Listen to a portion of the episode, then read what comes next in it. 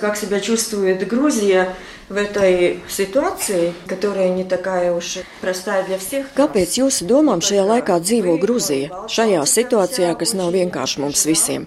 Ne tikai Grūzija, arī Baltija ir satraukta par notiekošo Ukrainā un kā tas viss attīstīsies tālāk. Как это все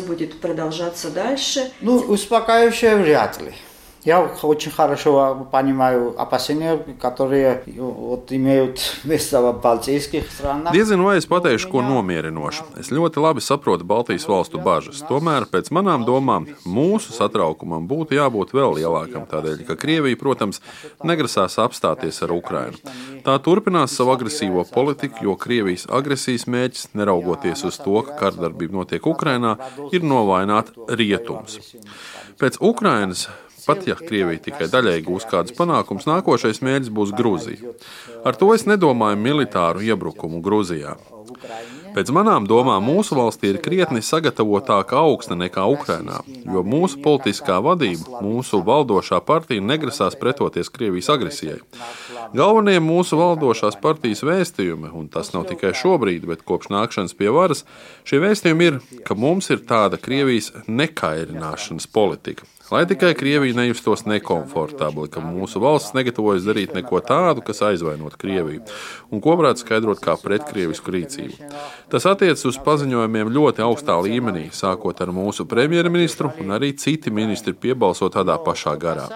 Bet runājot par prezidenti, viņas pozīcija ir ļoti skaidra un pareiza. Tajā varas pozīcijā, kāda ir mūsu prezidentam.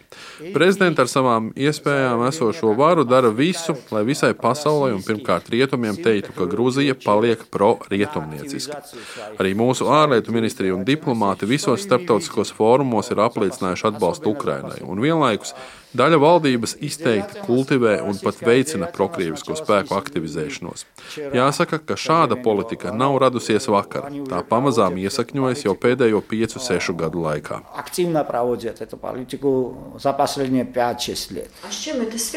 Ar ko tas ir saistīts? Raugoties uz jūsu sabiedrību, tā neizskatās izteikti prokrieviski noskaņota.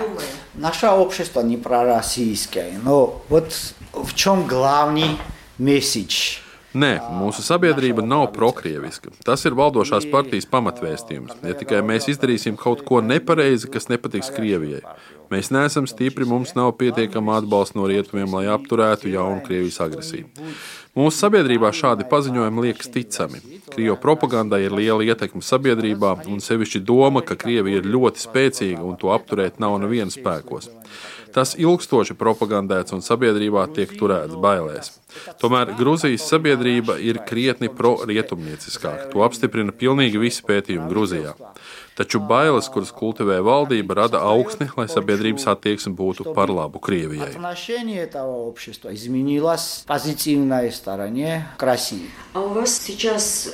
Vai jūs nejūtat, ka šobrīd, teiksim, jūsu prezidente vai kāds cits cilvēks veidojas kā jauns līderis?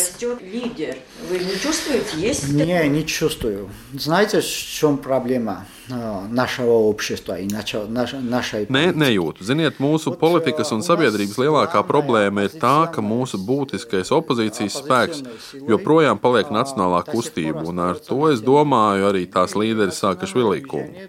Un pamat sabiedrības daļā šī partija tagad sevi diskreditējusi. Savukārt valdošai partijai pat viltīgi izdevies izmantot tās kļūdas par labu sev, un tā visu laiku veicina sev atbalstu. Turklāt viņi pievāc ne tikai savu valdošās partijas Grūzijas sapņu elektorātu, bet arī tos svārstīgos, kuri nav pārliecināti Grūzijas sapņu sekotāji, taču negrib nacionālās kustības atgriešanos pie varas. Līdz ar to valdošā partija atkal ir ieguvēja. Jā, tātad es neredzu līderi. Mums ir arī citas opozīcijas partijas, bet vairumā gadījumu to līderi ir nākuši no vecās nacionālās kustības rindām, asociējas ar tām, un tām ir maza sabiedrības uzticība. Daudzi mani kolēģi apšauba Grūzijas sapņu politisko virzienu un nolūkus. Как вы думаете, как можно вот это все Kā jūs domājat, kas ir jādara, lai mainītu sabiedrības viedokli? Pēc diviem gadiem ir gaidāmas vēlēšanas. Tā, выборы у нас в 24 году. Знаете, что общества. И, Jā, 2024. gadā mums būs vēlēšanas. Ziniet, ļoti svarīga loma sabiedrībā ir mums līdzīgām organizācijām, tādām, kas nav politiski saistītas ne ar opozīciju, ne valdošo partiju. Protams, tas joprojām ir sarežģīti. Pat ja visi aktīvi darbosies, nav teikts, ka būs jūtami panākumi. Arī šajā sfērā ir daudz cilvēku, kas asociējas kā bijušie Nacionālās partijas cilvēki, tātad neusticami. Nu, vismaz daļēji. Turklāt pēdējā laikā mums bieži veidojas tā saucamās gongo. Valdības nevalstiskās organizācijas, kas veido politiku, sevišķi komunikācijā ar sabiedrību. Tās pastiprina valdošās partijas idejas un vēl arī ieņem mēdīju sfēru, kurai ir zināms, liela ietekme sabiedrības noskaņojuma veidošanā. Izveidojusies situācija, mums ir valdības mēdīja un opozīcijas mēdīja. Skaidrs, ka mums atliek visai maz vietas jauniem politiskiem spēkiem vai idejām.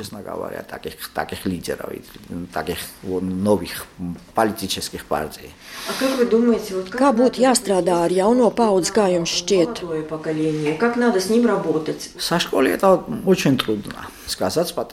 To ir ļoti grūti pateikt. Mums ir valsts un privātā privātās skolas. Nu, saprotams, ka valstī ir savas politikas ieviešanas rīki. Skolu pedagoģi atbalsta valdošās partijas virzienu. Vēlēšanās strādā komisijās, ir aktīvisti un tam līdzīgi. Manuprāt, ja to kāds varētu mainīt, arī mēs to vēlamies un darām. Te būtu iespējas nevalstiskām organizācijām. Ir treniņu programmas dažādiem sabiedrības slāņiem, sākot ar skolu jaunatni un beidzot ar valsts ierēdniecību, politiskām partijām un etniskām grupām.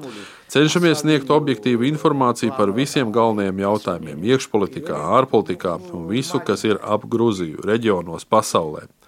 Lai tā būtu objektīva informācija, pretstatīta dezinformācija, kas nāk ne tikai no prokrieviskām, bet arī varas partiju organizācijām.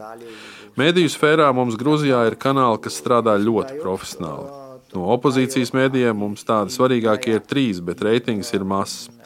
Mūsu sabiedrība noskaņot vairāk uz skandāliem, bet, ja ir vienkārši objektīva informācija, tas neskaitās interesanti. Критики оппонентов. Это как бы не, не, не считается интересным в нашей обществе, к сожалению. Что может остановить? Kā jūs domājat, kas varētu apturēt Putina darbības? Как Ir divas galvenās lietas. Pirmā un galvenā, manuprāt, tā ir drosme un varonība, ko rāda Ukraina, sākot ar tās valdību un beidzot ar parasto Ukrāņu pilsoņu pretestību, ko viņi notur pret šo neiedomājami barbarisko agresiju. Otra lieta ir skaidra un noteikti rietumvalstu darbība, lai šo agresiju apturētu. Es domāju, gan politisko spiedienu, gan bezprecedenta sankcijas, kas jau sasniedz mērķi.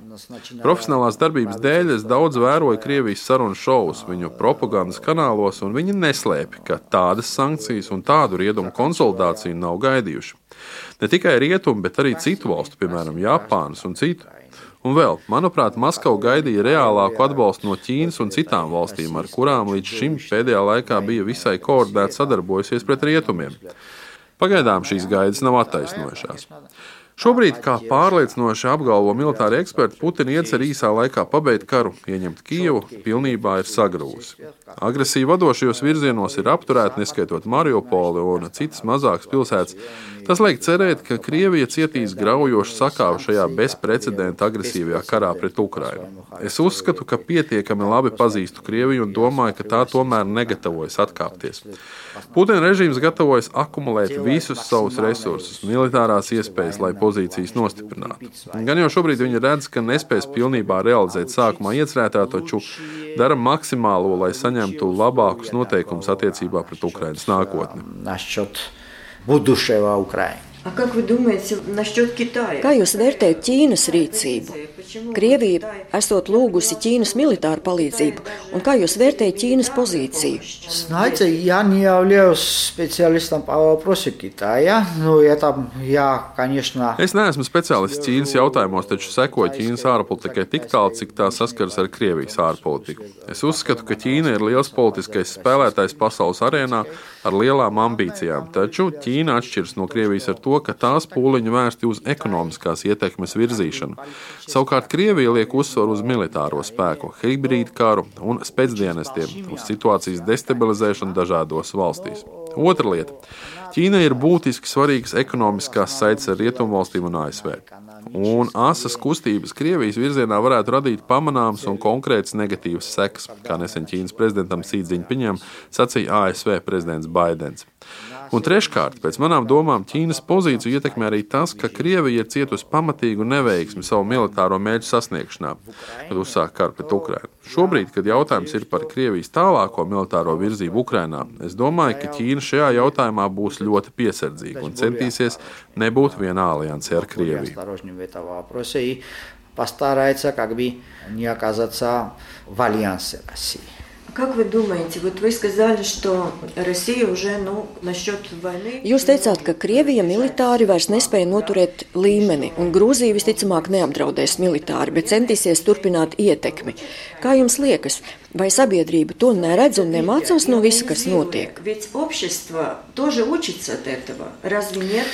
Ну, часто общество учится, конечно, но в основной части все-таки так страх по отвращению России очень высокая, на мой взгляд. Daļa sabiedrības mācās, tomēr pamata daļai ir liels bailes no Krievijas. Bailes, ka Krievija var sākt jaunu karu un okupēt visu Grūziju. Tā ir reāla sajūta lielākajai sabiedrības daļai. Turklāt arī mūsu valdība nemitīgi apgalvo, ja Krievija kaut ko uzsāks, Grūzijai nav ne spēka, ne iespēju, ne atbalsta nostāvēt pretī. Piemēram, vēl pirms kardarbības sākuma parlaments pieņēma rezolūciju Ukrainas atbalstam, ka nedrīkst pieļaut agresiju Ukrainā, taču tajā nekur nebija minēts Krievijas vārds. Pēc tam, kad sākās kardarbība, pirmais paziņojums augstākajā līmenī tika izdarīts 25. februārī, ja nemaldos. Mūsu premjerministrs, piedaloties sarīkojumā pie varoņa monumenta saistībā ar pretošanos Krievijas okupācijai, klātesot Grūzīnu militāru personām, tātad saprotot, kāds konteksts un sarīkojuma dalībnieki, tātad lūk, šajā brīdī tika izteikts pirmais paziņojums par iebrukumu Ukrainā. Viņš ļoti skaidri izteicās par agresiju, bet jau atkal nereizi nepieminēja Krieviju. Tad viņš teica, ka diemžēl puses nespēja izvairīties no kara agresijas. Viņš skaidri nenosauca Krieviju kā agresoru, bet lika noprast, ka vainīgas ir abas puses.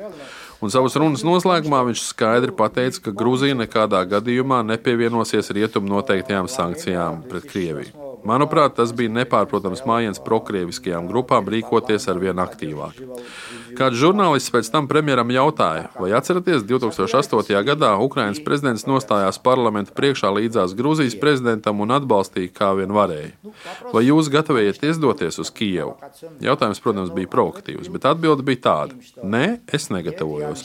Jūs zināt, ka debesis ir slēgtas. Arī citu ļoti spēcīgu valstu vadītājiem nav iespējams aizlidot uz Kijevu. Manuprāt, svarīgākais, kas izriet no premjera teiktā, ka karš Ukrainā nav mūsu darīšana, ka tas neietekmēs mūsu drošību, kas, protams, nav tiesa. Tam būs ietekme ne tikai uz Grūziju un uz visu Eiroatlantisko drošību. Tā ka neko labu jums nevar pateikt. Не только для Грузии, но для европейской атлантической безопасности. Так что ничего хорошего, к сожалению, я не могу сказать на этот счет. Paldies, paldies par viedokli un jūsu laiku. Ни за что. Nav par ko.